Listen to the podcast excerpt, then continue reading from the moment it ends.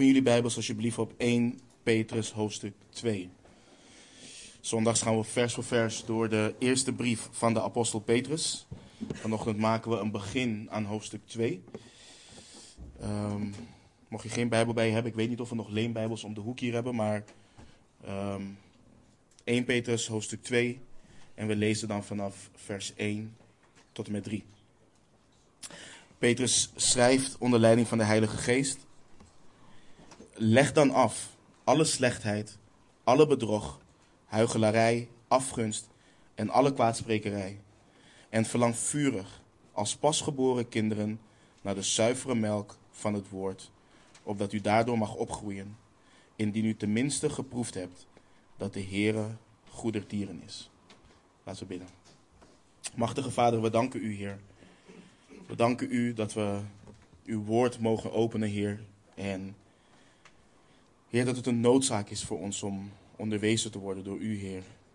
Dat uw woord open gaat en dat uw woord voortgaat. En zoals we al eerder hebben gebeden, dat u ons heiligt door uw woord, want, woord, uw woord is de waarheid, Heer. Vader, laat het niet zo zijn dat we alleen hoorders van uw woord zullen zijn, maar dat we ook daders zijn. In Jezus' naam bidden we. Amen. Wanneer je de schrift neemt en je haalt alle geboden eruit en simpelweg zegt: Dit is wat je moet doen, omdat het goed is, hoe waar wat je predikt, opdraagt of verkondigt ook is, als dat is wat je doet, predik je alleen moraliteit. En dit is geen aanklacht, aanklacht tegen moraliteit. Want wij zijn morele wezens en ook christenen dienen moreel gezien goed te leven. Maar het verschil alleen tussen wat wij geloven en wat de rest van de wereld verkondigt, is dat wij niet simpelweg moraliteit prediken. En God heeft zijn woord niet simpelweg gegeven, opdat wij kunnen zeggen: nu we dit doen, zijn we moreel gezien goede mensen.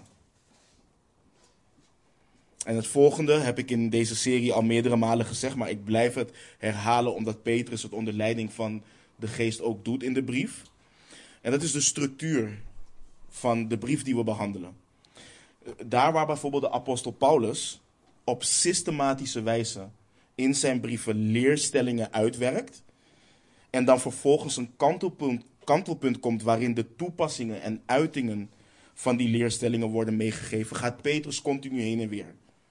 Dat is het grote verschil in wat je ziet hoe hij zijn brief schrijft en hoe Paulus zijn brief schrijft. Petrus geeft een aansporing en hij legt uit waar die aansporing in gegrond is. Hij laat iedere keer zien dat het nooit op zichzelf staat. En voor Petrus is alles waartoe hij oproept niets anders dan de redelijke godsdienst van de persoon die opnieuw geboren is tot een levende hoop. En ik hoop oprecht, broeders en zusters, dat wanneer wij, eh, zij het op woensdag, op zondag, door de schrift heen gaan, jullie niet alleen meekrijgen wat de schrift leert, maar dat het jullie ook drijft om je te beijveren, te graven in de rijkdom van Gods woord. Om dat zelf te doen. Dat het je dwingt om de schrift eerlijk te lezen. Iedere keer je eigen lens of bril weer af te doen en niet de schrift te interpreteren op de manier waarop je denkt, maar je denken iedere keer hernieuwd te laten worden, zodat je de schrift interpreteert op de manier waarop God dat overgeleverd heeft. wie kent bijvoorbeeld de volgende soort gesprekken? En wellicht uit eigen ervaring of van horen zeggen. Christen A zegt tegen christen B: Je hoort niet zo te leven of je hoort deze dingen niet te doen. Je staat in Gods genade het woord van God leert dat je X, Y, Z hoort te doen, omdat je een christen bent. Een christen B reageert, wie ben jij om mij te oordelen? God is een persoonlijk God. Je kent mijn hart niet. Je weet niet wat God momenteel in mijn leven aan het doen is. Je weet niet hoe Hij tot mij spreekt. Je weet niet waarvoor ik bid. Het is heel wettisch of legalistisch om mij te dwingen tot deze dingen. Dat is immers ook wat de fariseeën deden. God zal het mij wel openbaren wanneer ik hiermee aan de slag moet. Dit, dit zijn gesprekken die regelmatig plaatsvinden binnen kerken. Interacties die regelmatig plaatsvinden. En laat me vooropstellen dat God een persoonlijk God is, maar daarbij ook zeggen dat het argument volledig uit haar verband is getrokken tegenwoordig. God is een, God is een persoonlijk God, betekent in de schriftelijke zin dat God persoonlijk en actief betrokken is en regeert in het leven van zijn kinderen. Dat is wat het betekent. Hij is geen God die op afstand toekijkt wat er in het leven van zijn kinderen gebeurt. Hij heerst, hij regeert, hij leidt het leven van zijn kinderen. Maar het volgende is gemaakt van God is een persoonlijk God. Dit is wat mensen er nu tegenwoordig mee bedoelen. Er kunnen, er kunnen meerdere zonden actief zijn in mijn leven. En God is momenteel bezig met één van deze zonden. Met het andere heeft hij geduld of het andere laat hij even links liggen. Omdat ik er waarschijnlijk nog niet klaar voor ben om die zonde te confronteren. Dus je hoeft me niet te komen zeggen dat ik me moet bekeren, want God, die persoonlijk werkt in mijn leven, weet wat en waarom hij wel iets wel of niet doet. Of deze. Het is niet omdat jij geconfronteerd bent door een broeder of een zuster met jouw zonde en het bij jou heeft gewerkt, je ook zo bij mij moet komen en God dat ook bij mij op die manier wil doen. Want God is persoonlijk, hij weet hoe hij mij wilt en moet confronteren, omdat jij en ik niet hetzelfde zijn. En dit is natuurlijk volstrekt absurd. De schrift leert dit niet. Nergens niet. En wat heeft dit allemaal te maken met de manier waarop Petrus zijn brief schrijft? Alles. Want deze gedachten en deze uitspraken komen uit de individualisering van het navolgen van Jezus Christus. Als mijn geloof iets persoonlijks is, als het alleen voor mij is en alleen tussen mij en God en het idee dat we een gemeenschap zijn, terugbrengen naar het feit dat we al, allen geloven in dezelfde God en daarom op gezette dagen en tijden samenkomen, dan slaan we de plank mis. Als dat is hoe we denken dat het christelijk leven geleid wordt te worden. Want bij het individualiseren van het geloof sta ik centraal en niet God. Ik hoef dan geen verantwoording af te leggen voor hoe ik wandel, want ik kan alles wegrelativeren. Ja, we dienen dezelfde God, maar jij hebt jouw geloof en de ontvouwing van jouw geloof, en ik heb mijn geloof en de ontvouwing van mijn geloof. Maar dat is dus niet wat Petrus doet. Petrus leert dat niet in, de, in, in deze brief. Wat heeft Petrus bijvoorbeeld geschreven in vers 14 van hoofdstuk 1? Word als gehoorzame kinderen niet gelijkvormig aan de begeerten die er vroeger in de tijd van uw onwetendheid waren. Wat schreef hij in vers 15 en 16? Maar zoals hij die u geroepen heeft heilig is, wordt zo ook zelf heilig in heel uw levenswandel. Want er staat geschreven, wees heilig, want ik ben heilig.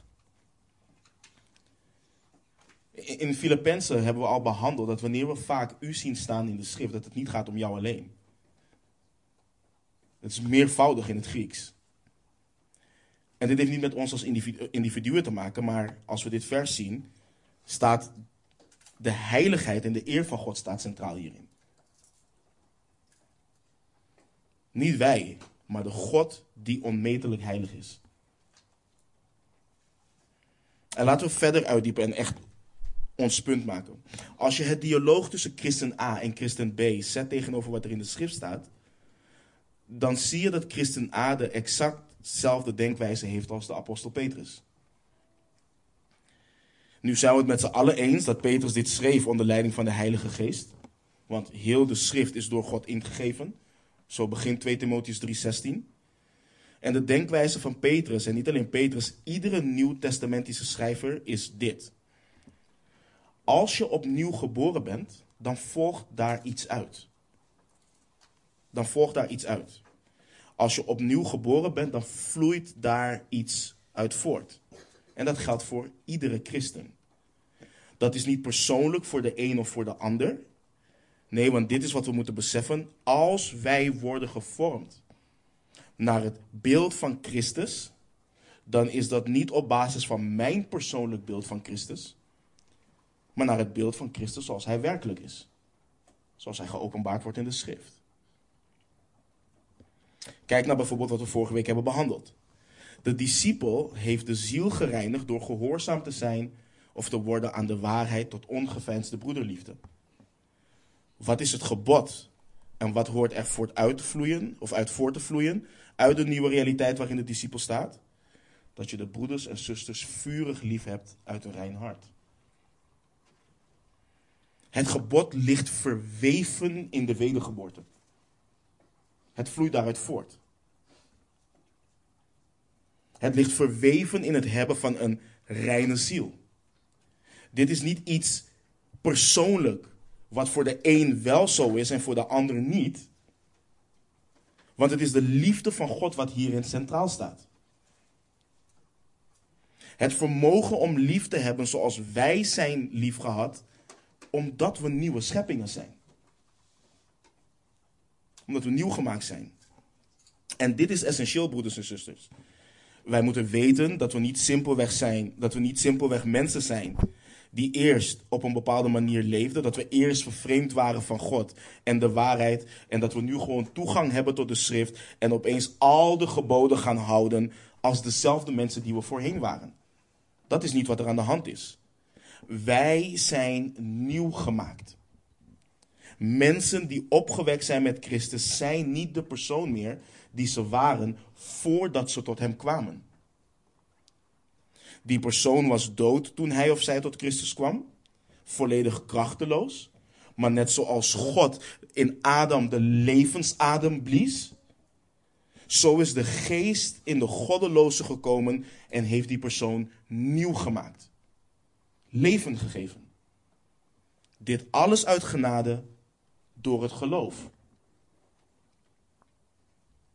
En daar vloeit veel uit voort. Voor iedere discipel van Jezus Christus. Nu, vorige week zagen we dat dit kwam door het woord wat tot hen en tot ons gepredikt is. Dit woord produceert eeuwig leven. Het is onvergankelijk zaad. Het leven wat hieruit voortvloeit sterft niet. En vandaag zien we dat Petrus leert dat het woord niet alleen een onmisbare rol speelt in het produceren van het leven, maar ook onmisbaar is voor de verzorging, het grootbrengen en het voeden van dat nieuwe leven. En laten we eerst kijken naar het gebod wat Petrus ons geeft in vers 2. Dan vanuit vers 1 kijken wat ons kan hinderen in dit gebod. En dan in vers 3 wat de basis is om überhaupt gehoor te geven aan het gebod. Vers 2. En verlang vurig als pasgeboren kinderen naar de zuivere melk van het woord, opdat u daardoor mag opgroeien.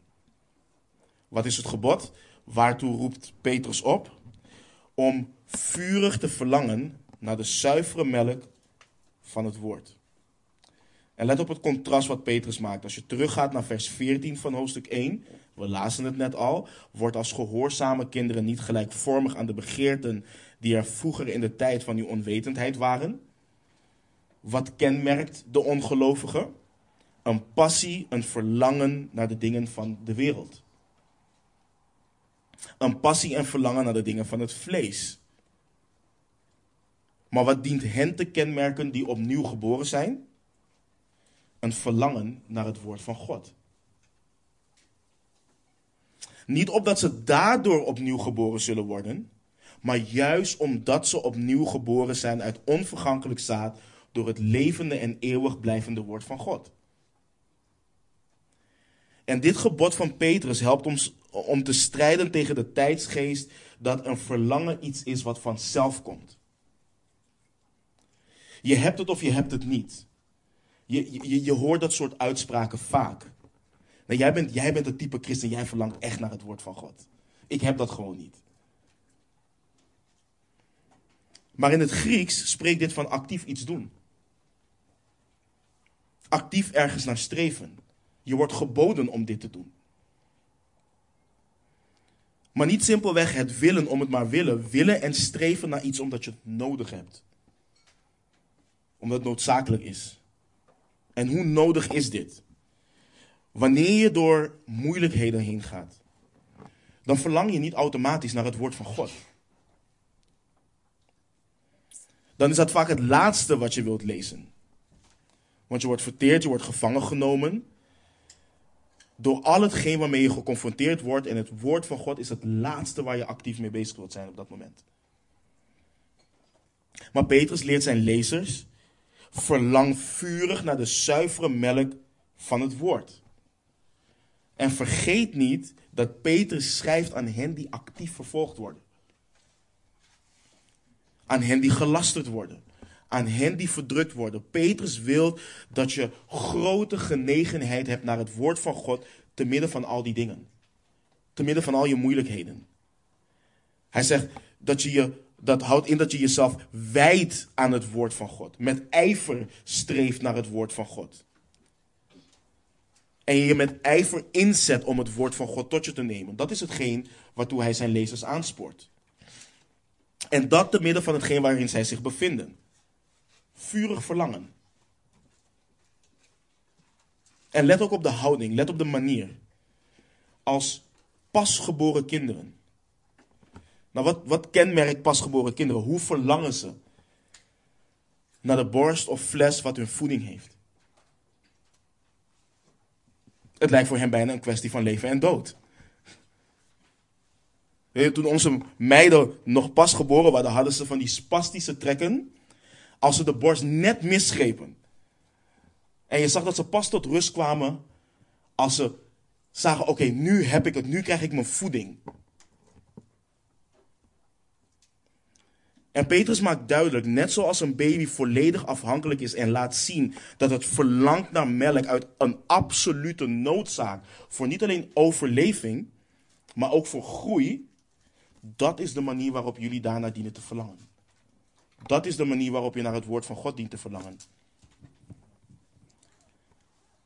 En sommigen die trekken onterecht de conclusie dat de lezers van Petrus jong zijn in hun geloof dat ze pas tot wedergeboorte zijn gekomen.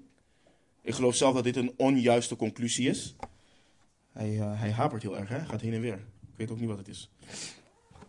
Um, het is een onjuiste conclusie. Het woord als in het Grieks verwijst hier naar zoals. Dat is waar het naar verwijst. Dit is de manier waarop je moet verlangen naar het woord van God. Zoals pasgeboren kinderen verlangen naar de melk van hun moeder. En dit is belangrijk. Want er is geen moment in je levenswandel waarin je dus minder kunt gaan verlangen naar het woord van God. Waarin je het rustiger aan kunt gaan doen. Omdat je het wel denkt te kennen. Dit is, het, dit is een gebod aan discipelen van Christus. Of ze nou gisteren tot geloof zijn gekomen. Of ze nou 30 plus jaar wandelen met de Heer. Verlang als pasgeboren kinderen naar Gods woord. Dat is wat Petrus leert. En let op hoe Petrus dit woord omschrijft. Hij omschrijft het als de zuivere melk van het woord.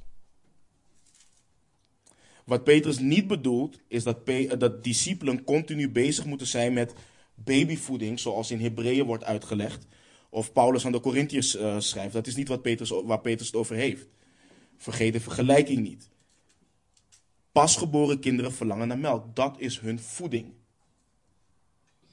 En we hebben al vastgesteld dat het niet gaat om jonge kinderen in het geloof. Dit gaat over de manier waarop christenen dienen te verlangen naar het woord. En hij noemt, hun, hij noemt het woord hun melk, hun voeding. Het is de voeding van de discipel. Maar let op hoe Petrus het woord van God zuiver noemt. Letterlijk staat er, letterlijk in het Grieks, de redelijke zuivere melk. De redelijke zuivere melk. Laten we kijken naar het woord zuiver. Dat woord wordt alleen hier in het Grieks gebruikt. En wat Petrus hiermee bedoelt is het onvervalste woord van God. Het pure woord van God. Letterlijk spreekt het van argeloos. Het woord wat vrij is van bedrog. Vrij van misleiding. Vrij van bedriegelijkheid. Het is een woord zonder gemengde motieven. Wat Petrus hier omschrijft is dat het doel van het woord niet is om je op een dwaalspoor te brengen. Het doel is niet om je te beroven van iets, maar juist om je te voeden. En waarom kan Petrus het woord van God als zodanig omschrijven? Omdat het van boven is neergedaald en, en komt van de Vader der lichten. Het komt bij hem vandaan, bij wie er geen verandering is of schaduw van omkeer. Omdat het van de enige en waarachtige God komt, in wie in het geheel geen duisternis is. Van God die niet liegen kan. Het is een woord wat gelouterd is. Het heeft de testen doorstaan en is puur gebleken, net zoals het puurste van het goud overblijft wanneer het gelouterd wordt. Let bijvoorbeeld op wat de psalmist schrijft in Psalm 12, vers 7. De woorden van de Heere zijn reine woorden, als zilver gelouterd in een aardesmeltkroes, gezuiverd zeven, zevenmaal. Volkomen gezuiverd. In Psalm 119, vers 140, uh, 140. Sorry, dat moet 140 staan. Uw woord is zeer gelouterd, uw dienaar heeft het lief. Dit is onder andere waarom Petrus kan schrijven dat het woord van God vrij van bedrog is, vrij van misleiding, vrij van bedriegelijkheid. Dit is waarom hij kan schrijven dat het woord je niet op een dwaalspoor brengt. Hoe, want hoe zou het woord wat jouw leven heeft gebaard en het woord wat onvergankelijk is, hoe zou het jou op een dwaalspoor kunnen brengen? Geestelijk gezien weten we dat een dwaalspoor leidt tot de dood. Maar het zuivere woord van God leidt tot het leven, want het verkondigt de weg van de waarachtige God. Let op Psalm 18, vers 31. Gods weg is volmaakt. Het woord van de Heer is gelouterd. Hij is een schild voor allen die tot hem de toevlucht nemen. Dat woord volmaakt in het Hebreeuws, dat spreekt van gezond, onaangetast. En dat in de zin onaangetast door enige zonde of enig kwaad. Het spreekt van het feit dat het woord van God integer is.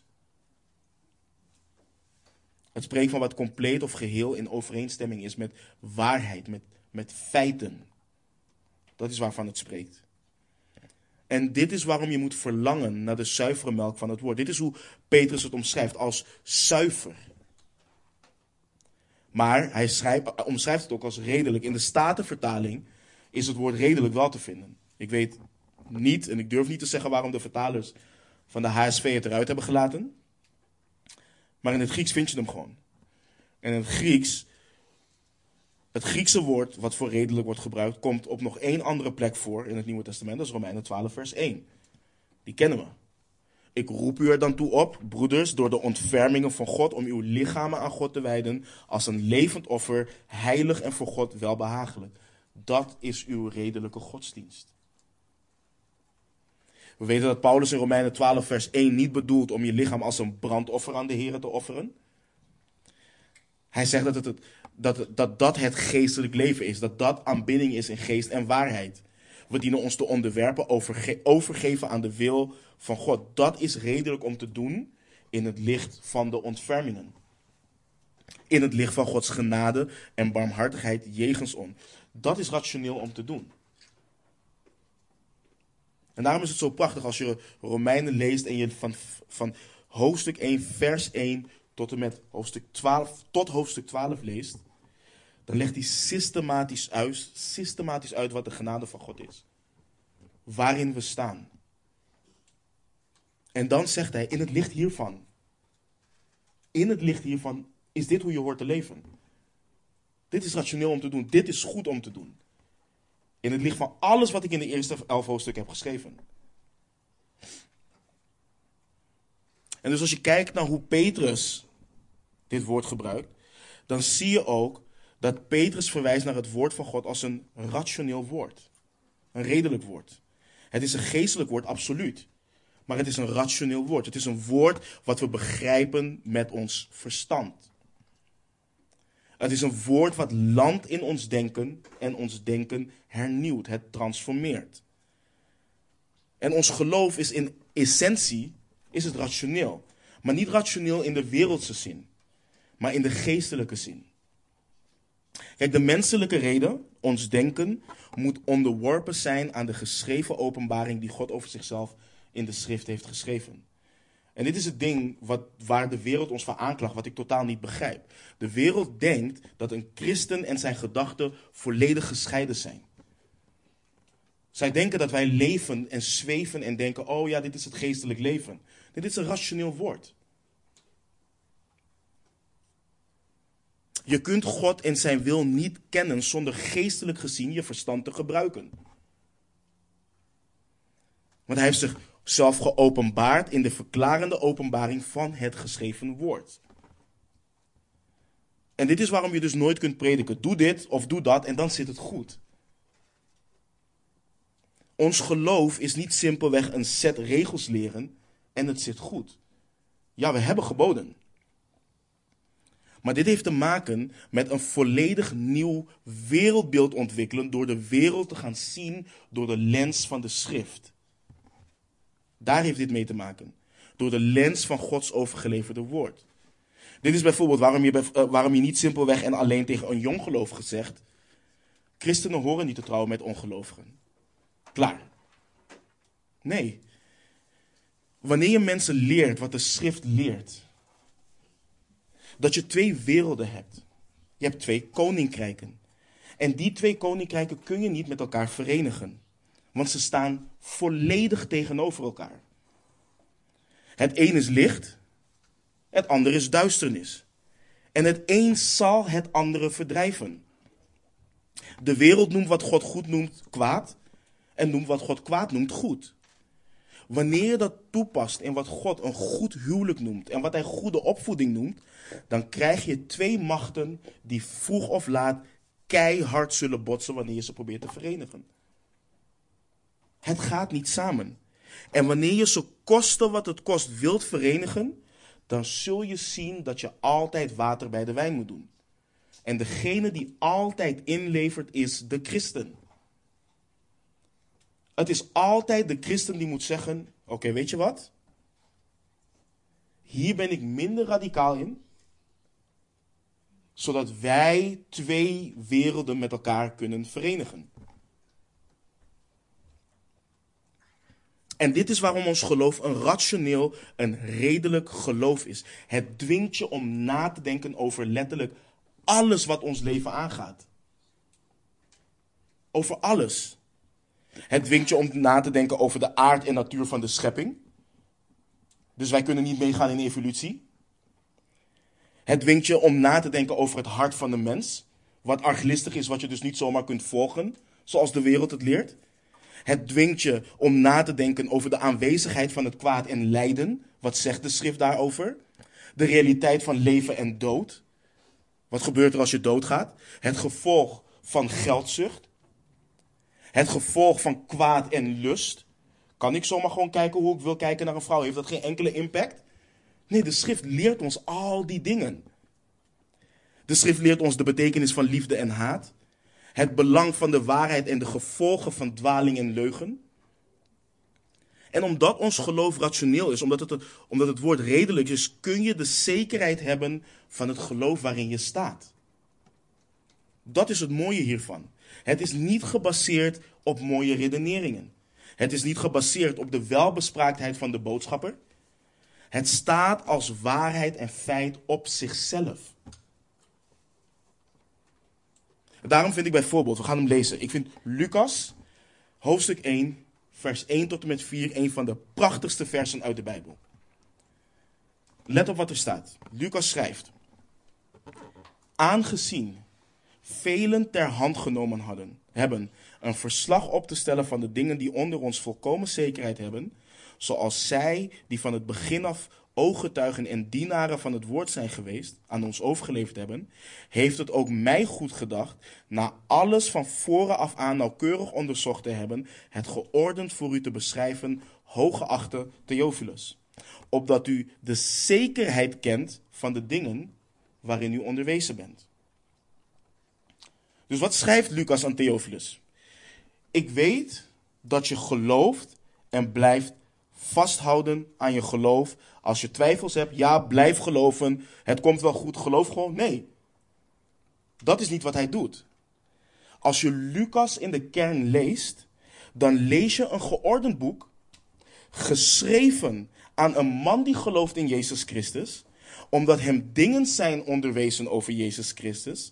En ondanks dat er al wat geschriften gaan, rondgaan, heeft Lucas, een arts, toch alles nauwkeurig onderzocht. Hij heeft het nauwkeurig onderzocht zodat Theophilus, jij en ik, zekerheid hebben van wat ooggetuigen en dienaren hebben overgeleverd. Mis die woorden niet. Mis die woorden niet. Let op wat er staat. Vers 1. Op te stellen van de dingen die onder ons volkomen zekerheid hebben. Zekerheid. Vers 2. Ooggetuigen en dienaren van het woord geweest. Vers 3. Van vooraf aan nauwkeurig onderzocht te hebben. Geordend voor u te beschrijven, vers 4 opdat u de zekerheid kent van de dingen waarin u onderwezen bent. Dat is wat Lucas heeft gedaan. Dit is een redelijk, een rationeel woord, een woord dat we niet alleen kunnen, maar ook dienen te grijpen met ons verstand. Laat de atheïst je nooit misleiden en je nooit doen denken, oh wacht eens even, ik moet met wetenschappelijk bewijs komen voor de dingen waarin ik sta. Nee. Luister, wij geloven dit boek omdat ooggetuigen dit hebben overgeleverd. Ooggetuigen. Dat is waarom wij hierin staan. Wij geloven geen fabeltjes. Er zijn in de geschiedenis mensen die met Christus hebben gewandeld, die hem gekruisigd hebben gezien worden en die hem uit de dood hebben zien opstaan. Die mensen hebben dat gedocumenteerd. Dat is waarom wij dit geloven. Dat is waarom dit de waarheid is. En dit is waarom het niet in de basis gaat om religieuze gevoelens en vrome gedachten. Dit gaat om waarheid. Dit gaat om waarheid. Want religieuze en eh, gevoelens en vrome gedachten, beroofd van inhoud en waarheid, zijn niet alleen nutteloos, ze zijn levensgevaarlijk. Als jij kan geloven wat jij wilt geloven en ik kan geloven wat ik wil geloven, kijk naar de wereld om je heen. Dat is waarom de wereld is zoals het is. Want de een vindt dat hij de ander mag beroven van vreugde, veiligheid en zekerheid, opdat hij zelf zekerheid en voldoening ervaart. Dat is de wereld waarin wij leven.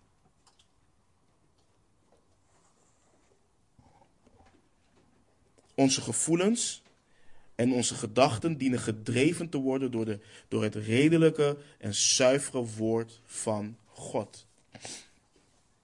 Te vaak zie je beleidende christenen die subjectief zijn. Ze handelen impulsief op basis van hun gevoel en denken dat dat geestelijk is. Dat ze op die manier geleid worden door de Heilige Geest. En anderen heb je weer, die zijn puur en alleen bezig met theologische inhoud en die zijn weer bang voor gevoelens en emoties. En beide zijn uitersten die we dienen te vermijden. Dus verlang ernaar, want het is redelijk, het is zuiver. En wat is het resultaat van dit woord? Wat is het resultaat als ze hier en als wij hier gehoor aan geven? Petrus schrijft opdat u daardoor mag opgroeien. Dus nogmaals, het woord geeft niet alleen nieuw leven, het onderhoudt dat nieuwe leven, ook het voedt dat nieuwe leven. Het leidt en bewaakt dat nieuwe leven tot eeuwige zaligheid. Dit is waardoor je groeit in je wandel. Dit woord maakt volwassen in de Heer. Dit woord leert aanbidden in geest en waarheid. Dit woord beschermt tegen dwalingen. Het beschermt je, net zoals de melk van een moeder een kind beschermt tegen ziekte. Beschermt, zo beschermt het ons tegen geestelijke ziekte. Dit woord houdt het pad van de discipel zuiver. Hoe vaak kom je het zelf niet tegen dat discipelen, dat broeders en zusters dwaling hebben, gekregen, of dwaling hebben meegekregen van verschillende gemeenten. En wat zeggen ze dan? Het is niet van, oh, opeens ging het lampje aan. Ze, zei, ze allen zeggen hetzelfde. Het moment dat ik de Bijbel opende, Toen ging het licht aan. Toen ging het licht aan. Toen werd ik bevrijd door, van al die dwalingen. Dit is hetgeen wat ons gezond maakt. En bedenk dit in de context, wat dit doet dan met de discipelen waar Petrus aan schrijft. Kijk, wanneer je twijfelt of God je achter heeft gelaten en niet meer naar je omkijkt, dan lees je in zijn woord hoe hij in en door moeilijkheden zijn volk Israël altijd heeft gedragen. Wanneer je dreigt te denken dat ellende je overkomt omdat je gezondigd hebt tegen de Heer en dit je straf is, dan lees je het boek Job en groei je in het denken dat ellende ook rechtvaardigen overkomt. En dat te midden daarvan God alles ziet en hij het zelfs gebruikt ten goede. En dat er in de hemelse gewesten dingen gaande zijn waarvan wij geen weet hebben.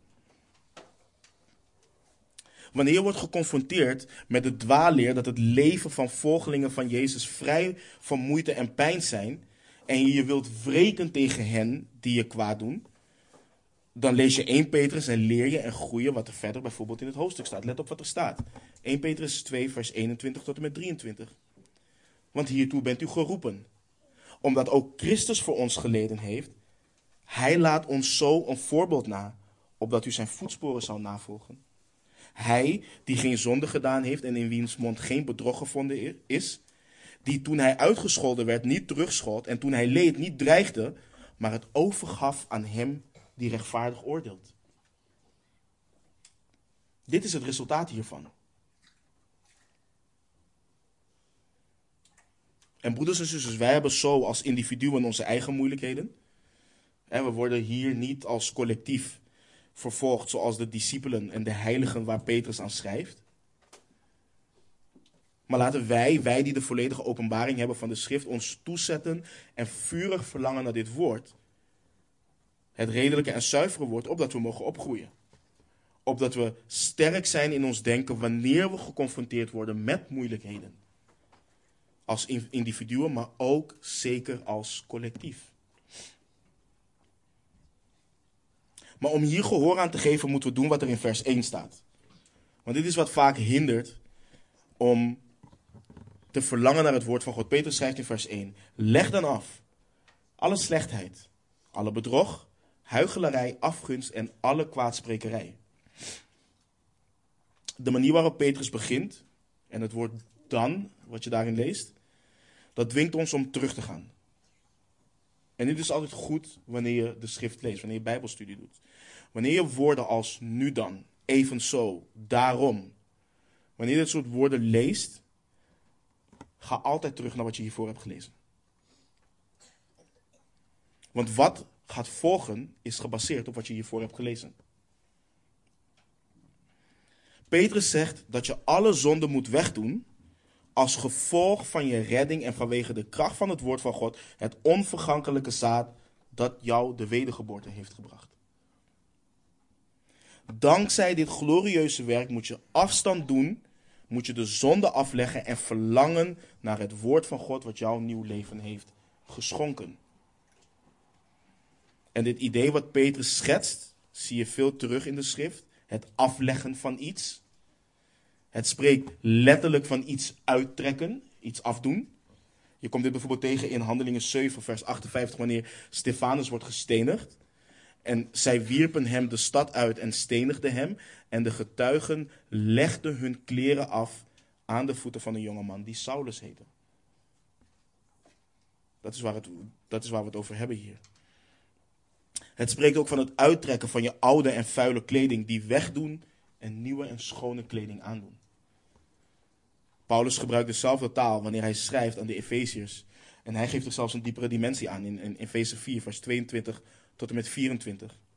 Namelijk dat u, wat betreft de vroegere levenswandel, de oude mens aflegt, die te gronde gaat door de misleidende begeerten, en dat u vernieuwd wordt in de geest van uw denken, en u bekleedt met een nieuwe mens die overeenkomstig het beeld van God geschapen is, in ware rechtvaardigheid en heiligheid. En dit is wat Paulus schrijft, is treffend. Hij heeft het over de oude mens afleggen, maar niet alleen dat, en hij gaat niet direct naar het bekleden met een nieuwe mens. Hij laat zien wat de belangrijke schakel hierin is. vers 23, vernieuwd worden in de geest van nieuw denken. En dit is het. Ik blijf hierop terugkomen. Willen wij zonde kruisigen, dan is het niet alleen simpelweg het stoppen, eh, stoppen met zondigen. Ons denken moet hernieuwd worden. Dit begint en speelt allemaal af in ons denken, in ons hart. Wat zich vervolgens, vervolgens uit in ons handelen. En zowel Paulus als Petrus hebben het over een continu proces in het leven van een discipel. Dit is geschreven in de continue vorm. Dit doet een discipel niet eenmalig, dit blijft een discipel doen. We ontdoen ons van ons oude denkwijzen terwijl, we ons, denk, terwijl ons denken hernieuwd blijft worden, zo we de schrift bestuderen. We veranderen ons gebruikelijke praktijk van bepaalde zonden als reactie op onze verlossing.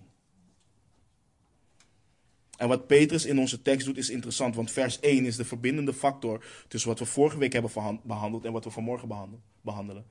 Onthoud, we hebben vaker gezegd, de oorspronkelijke tekst, je hebt geen versen en hoofdstukken. Dus dit gaat gewoon door. Dit is gewoon één lange brief. Vorige week was het gebod om lief te hebben. Wat verhindert ons van het liefhebben? Maar niet alleen dat, wat verhindert ons ook van het vurig verlangen naar Gods woord? Relationele zonde. En hier wordt weinig aan gedacht. Weet je, als we onze broeders willen liefhebben, moeten we ons ontdoen van alles wat liefde hindert. En dit is logisch in de context van de gelovigen waar Petrus aan schrijft, die vervolgd worden. Vorige week hadden we het erover. Wanneer mensen onder druk zijn, of wanneer mensen onder druk staan, kan zelfs de eenvoudigste zaak potentieel conflict veroorzaken en een reeks aan liefdeloze acties voortbrengen. En dit hindert ons ook weer in het verlangen naar Gods woord. Let op hoe, in um, let op hoe we in Colossense lezen hoe de onderlinge vrede en liefde onlosmakelijk verbonden zijn aan de bediening van Gods woord onder discipelen. Colossense 3, van vers 14 tot en met 17. Paulus schrijft: En kleed u zich boven alles met de liefde die de band van de volmaaktheid is. En laat de vrede van God heersen in uw harten, waartoe u ook in één lichaam geroepen bent. En wees dankbaar. Laat het woord van Christus in rijke mate inwonen. Onderwijs elkaar en wijs elkaar terecht in alle wijsheid en zing voor de Here met psalmen, lofzangen en geestelijke liederen, met dank in uw hart. En alles wat u doet, met woorden of met daden, doe dat alles in de naam van de Heere Jezus, terwijl u God en de Vader dankt door hem. Zonde hindert dit alles. En Petrus heeft het specifiek over zonde, wat op elkaar bouwt. Het groeit uit tot iets. Het eerste wat afgelegd dient te worden, schrijft Petrus, is slechtheid. Slechtheid. En wat bedoelt hij hiermee? Hij heeft het over kwaad. Hij heeft het over een slechte gezindheid. Een vrede instelling, wrok, bitterheid. En het interessante aan dit woord in het Grieks is dat het spreekt van het onderliggende principe van het kwaad dat aanwezig is in een hart, ook al komt het niet continu tot uiting. Het is over iets wat sluimert in het hart. Dus dit spreekt van hartsgesteldheid. Jacobus schetst hetzelfde idee in relatie tot het ontvangen van Gods woord. In Jacobus 1, vers 19 tot en met 21. Zo dan, mijn geliefde broeders. Ieder mens moet haastig zijn om te horen, maar traag om te spreken en traag tot toorn. De toorn van een man brengt immers geen gerechtigheid voor God teweeg. Leg daarom af alle vuilheid en elke uitwas van slechtheid.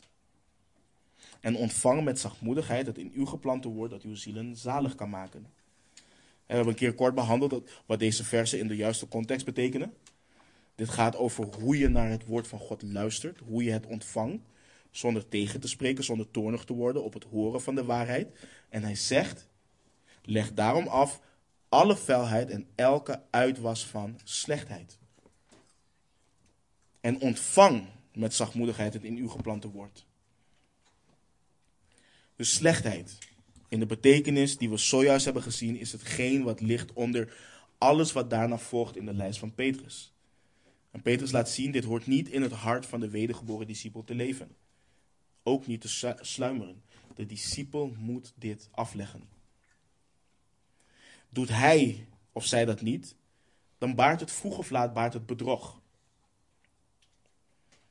En onthoud, alles wat Petrus schrijft, schrijft hij in relationele sfeer. Dit is richting elkaar, richting anderen. Dit is niet algemene slechtheid, dit is slechtheid jegens iemand. En hetzelfde geldt voor bedrog. En bedrog komt voort uit een verlangen om enig voordeel te behalen of een bepaalde positie te behouden door anderen te misleiden. Het betekent dat je iemand iets vertelt dat niet waar is, of iets doet wat niet waar is, zodat je hem of haar voor de gek houdt of misleidt. Het gaat erom dat je bijbedoelingen hebt in je communicatie en in je handelen. En het Griekse woord is hetzelfde Griekse woord als wat we hebben gelezen in vers 2, zuiver, maar dan nog het woord a ervoor toegevoegd, of de letter a, van het ontbreken. Net zoals we bijvoorbeeld zeggen amuzikaal. Dat is waar dit van spreekt. Dus je ziet hier een verschil. Het woord van God is niet om je te misleiden. Het is zuiver, het is puur. En de discipel die opnieuw geboren is door het eeuwige en blijvende woord van God, dient dit ook te zijn. Die dient ook zo te handelen. Die moet alle bedrog afleggen. Die mag in onderlinge relaties iemand niet op een dwaalspoor brengen. Op wat voor manier dan ook. Die mag een broeder of zuster niet, niet misleiden. Want dat gaat in tegen hoe Christus ons heeft liefgehad. En dat gaat ook in tegen de natuur en het gebod om elkaar vurig lief te hebben uit een rein hart. En bedrog is simpelweg dit. Je beter voordoen dan je bent.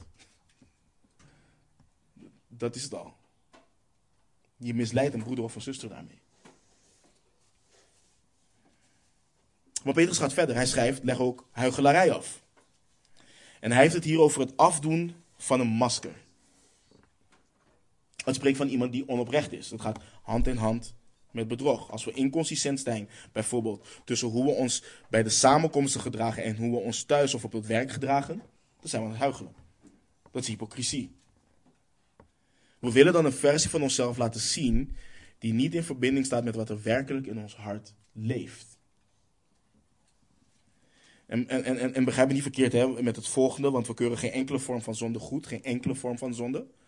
Maar dit is wel wat je vaak ziet in gemeenten. Je hebt discipelen, je ziet gelijk en je, je, je weet gelijk wat je aan ze hebt.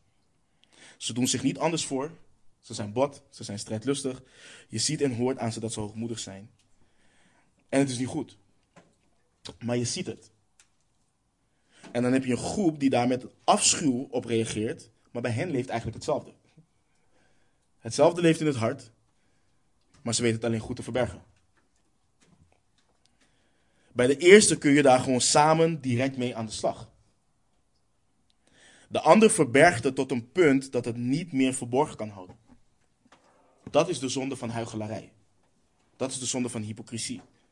En Petrus leert, leg dat af. Leg dat af. En daarop volgt ook afgunst. Leg ook dat af. Al deze dingen staan in de weg van elkaar vurig liefhebben. Want wanneer dit regeert in het hart, kun je niet spreken van een hart wat rein is. Dus je kunt ook niet vurig liefhebben uit een rein hart. En afgunst is net als alle andere zonden die we net hebben behandeld. Het is een lelijke zonde. Het spreekt van blij zijn wanneer iemand pijn of ongeluk uh, ervaart. Of boos zijn wanneer iemand juist iets goeds overkomt. Je kunt niet blij voor een broeder of een zuster zijn. Dus de slechtheid in het hart voorkomt dat je blij bent. Voor Pilatus. Pilatus wist dat de Joodse leiders, de Heer Jezus Christus, uit afgunst, uit afgunst aan hem hadden overgeleverd. De, de Joodse leiders vreesden voor hun eigen positie. Ze waren niet bezig met de komst van de Messias. Ze waren niet op, oprecht bezig met de werken van onze Heer Jezus Christus. Afgunst zorgt ervoor dat wat God in het leven van anderen doet, je niet brengt tot lofprijs en aanbidding. Je kunt niet blij zijn omdat je gevangen bent door je eigen verlangen en je eigen wil. En het laatste waar Petrus het over heeft is kwaadsprekerij. En afgunst komt vaak tot uiting in allerlei kwaadsprekerij. Dit woord betekent tegen iemand spreken. En dit gaat ook gepaard met bedrog. De kwaadspreker zegt en doet aardig in het gezicht van de broeder of zuster, maar kleineert hem of haar achter zijn rug om, met als motief zichzelf er goed uit laten zien in de ogen van anderen. Het is belasteren en vernietigen van iemands karakter of persoon door middel van woorden. Al deze dingen gaan tegen de tien geboden in ook. Al deze dingen weerhouden discipelen van het vurig liefhebben uit een rein hart. En wat de discipel dient te doen en dient in te zien, is dat dit allemaal zonde is. Het is zonde. Het is zonde wat afgelegd dient te worden. Het is zonde, het zijn kenmerken, eigenschappen die niet horen bij iemand die opnieuw geboren is door het zuivere woord. En deze zonde, en dit is zo cruciaal, dit is zo belangrijk, deze zonde belemmeren ook het werk van Gods woord in jouw leven en, in jouw leven en verhinderen, verhinderen de groei van een discipel. Let op een paar voorbeelden. Wanneer dit heerst in je hart, dan lees je de schrift vaak al met vooringenomenheid. Je denkt dat je hart rein is en door je hoogmoed en vooringenomenheid heb je de neiging om bepaalde zonde, zondige overtuigingen te minimaliseren of te rechtvaardigen. Dit leidt ook tot vervolgens selectieve interpretatie. Je gaat alleen lezen wat in overeenstemming is met jouw zondige gedrag of zondige overtuiging. Hoe vaak heb je niet gehoord dat geciteerd wordt wanneer iemand extreem boos is en die boosheid niet wil laten gaan? Er staat, word boos, maar zondig niet. Maar men vergeet dan dat ze al maanden boos zijn. En dat hetzelfde vers leert: laat de zon niet ondergaan over uw boosheid. Dat is selectieve interpretatie.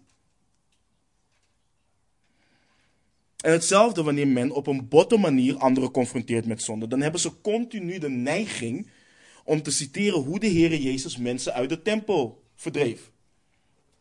Om te rechtvaardigen dat zij op een botte manier en op een harde manier tegen hun broeders en zusters optreden. Maar aan de andere kant vergeten ze dat een discipel van de Heer Jezus Christus geen ruzie hoort te maken. Want ook dat schrijft Paulus. Ja, je hoort mensen terecht te wijzen, maar je hoort niet bot te zijn en ruzie te maken. En dit is het gevolg van wanneer zonde heerst en regeert in je hart. Vooringenomenheid, wat vervolgens leidt tot selectieve interpretatie. Kijk bijvoorbeeld naar David. David kon heel goed veroordelen de man die alles had afgenomen van die arme man. Totdat de profeet hem zei, maar jij bent die man. Prijs de Heer dat David berouw had en dat hij zich heeft bekeerd. Maar dat is wel het gevolg van zonde.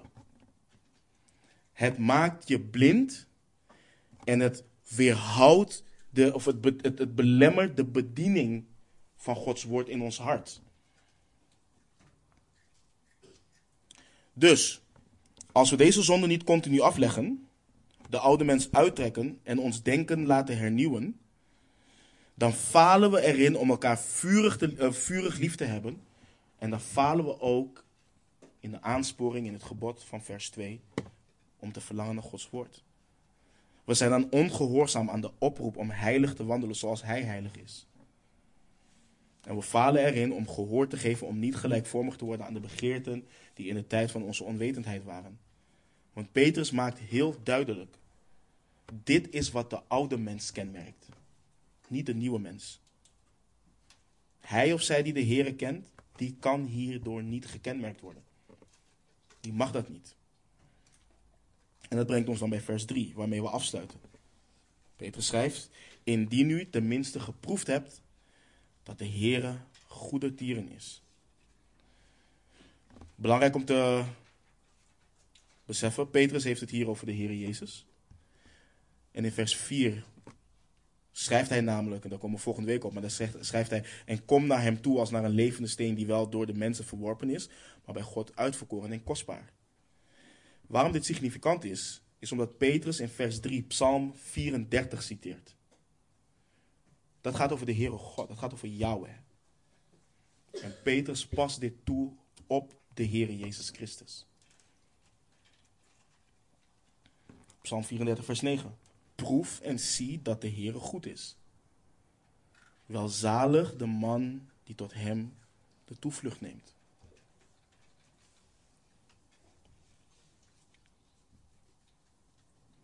Dus waar hebben de discipelen en waar hebben de discipelen geproefd dat de Heer een goede tieren is? In het evangelie. Petrus blijft het continu inpakken. Oorzaak en gevolg. Je hebt de goede tierenheid van God ervaren hoe en waar in de geboorte door zijn liefde. Zijn genade en barmhartigheid heeft hij getoond. Zijn liefde heeft hij getoond door de ellendige zondaar lief te hebben. Hij heeft zijn enige geboren zoon gegeven voor die ellendige zondaar. En door geloof in zijn zoon ben je uit genade opnieuw geboren. Je bent een nieuw mens. Dus die oude begeerten, die moeten weg. Daar kun je je niet mee identificeren. Daar moet je niet gelijkvormig gaan worden. Die verlangens, die, ze leiden naar de dood. Nu je een nieuwe schepping bent, heb je een nieuwe richting in jouw leven. Je hebt nieuwe verlangens. Er hoort iets voor te vloeien uit deze glorieuze gebeurtenis oorzaak en gevolg. Heb je broeders vurig lief. En om je nieuwe verlangens te blijven vormen en voeden, moet je vurig verlangen naar het woord wat je doet opgroeien, wat je volwassen maakt in hem. En Petrus maakt dus duidelijk en heel eenvoudig. De goedheid van Jezus Christus, waarvan jij zegt dat je het hebt ervaren, dat moet hier naartoe leiden. Dat moet hiertoe leiden. Het moet ertoe leiden dat je alles aflegt wat jouw zaligmaker niet kenmerkt, wat hem niet eert. Dat je alles aflegt wat jouw zaligmaker aan het kruis heeft genageld.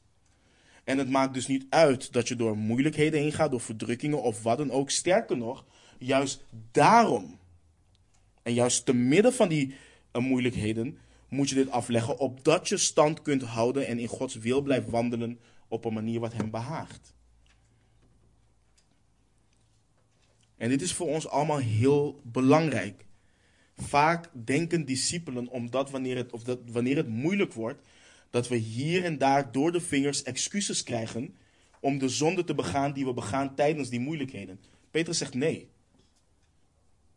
Nee, nee. Als je je verdiept en als je verlangt naar het woord, dan zul je stand houden. En dan ga je niet toegeven hieraan. En het is het gehoor geven aan deze oproepen, te midden van al deze moeilijkheden, dat de wereld zal zien dat wij discipelen van de Heer Jezus Christus zijn. Dat wanneer die moeilijkheden ons overkomen, wij als christenen elkaar niet bijten en verslinden, maar dat we laten zien hoe glorieus het evangelie is waarin wij staan. Dat het evangelie niet alleen de kracht heeft om nieuw leven te schenken, maar dat het ook kracht geeft om te wandelen in dat nieuwe leven. Dat het laat zien dat Christus waardig is en dat zijn geboden zo goed zijn dat ze overstijgen wat wij voelen en denken en ons in nederigheid aan Hem onderwerpen wanneer het moeilijk wordt. Dat hierdoor de band van de liefde en vrede niet alleen bewaard wordt, maar ook versterkt wordt. En het laat zo glorieus zien dat wij discipelen waarlijk vrij zijn gemaakt door de Zoon des Mensen en niet redeloos en gevangen slaven van zonde zijn. Maar dat door het woord we een situatie kunnen beoordelen en ons vlees kunnen verloochenen en vernederen, opdat de glorieuze zaligmaker wordt verheerlijkt. Het laat zien, broeders en zusters, dat dit pad wat wij bewandelen, het pad van het leven is. Dat Gods weg waarlijk volmaakt is, dat het niet misleidend is, maar dat het een zuiver woord is, een puur woord waardoor wij opgroeien tot zaligheid. Laten we bidden. Vader,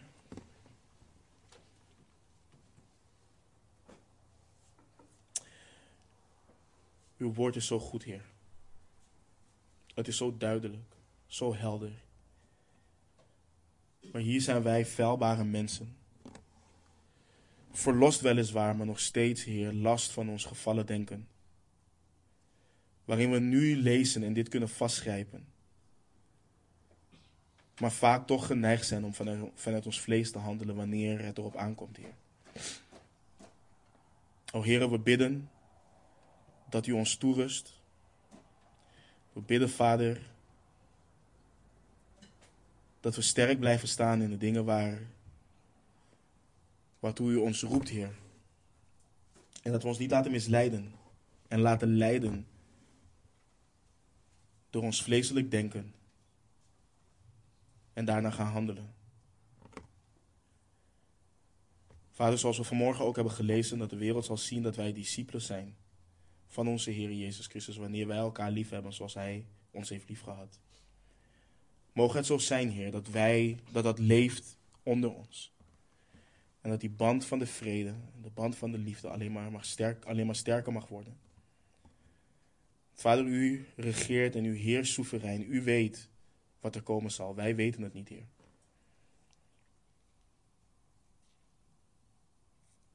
Maar laat het zo zijn, zoals we eerder hebben gebeden, dat we niet alleen hoorders zijn, maar daders zijn. En dank u wel voor de glorieuze kracht van uw evangelie. En dank u wel voor uw geest die u ons hebt gegeven. Want Heer, zonder uw geest zijn dit slechts geboden die we nooit zouden kunnen houden. Maar wij hebben de geest van heiliging. De geest die onze Heer Jezus Christus, onze zaligmaker, uit de doden heeft opgewekt. Dank u wel daarvoor. We houden van u. We danken u, Heer. We bidden ook, Heer. We weten als christenen, Heer, zoals Ivan ook vanmorgen had gebeden. Morgen is het simpelweg een nieuwe dag. En voor velen is het een nieuw, een nieuw jaar met nieuwe kansen. Maar wij weten hoe wij naar tijd kijken. Maar Heer, als wij toch voornemens hebben, laat het zijn dat we verlangen. Vurig verlangen. Als pasgeboren kinderen. Naar uw woord. Dat we ons beijveren. Dat we ons toezetten. Heer, om naarstig uw woord te bestuderen. Niet omdat we een hoofd vol met kennis hebben en opgeblazen zullen zijn. Maar juist omdat we vernederd zullen worden en mogen groeien in liefde en genade. Juist dat we elkaar meer zullen dienen en zullen wandelen naar uw welbehagelijke en volmaakte wil. Mogen het zo zijn dat als wij voornemens hebben, Heer, dat het ons voornemen is dat wij minder worden en Christus meer in ons wordt.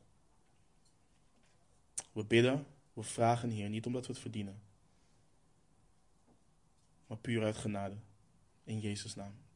Amen.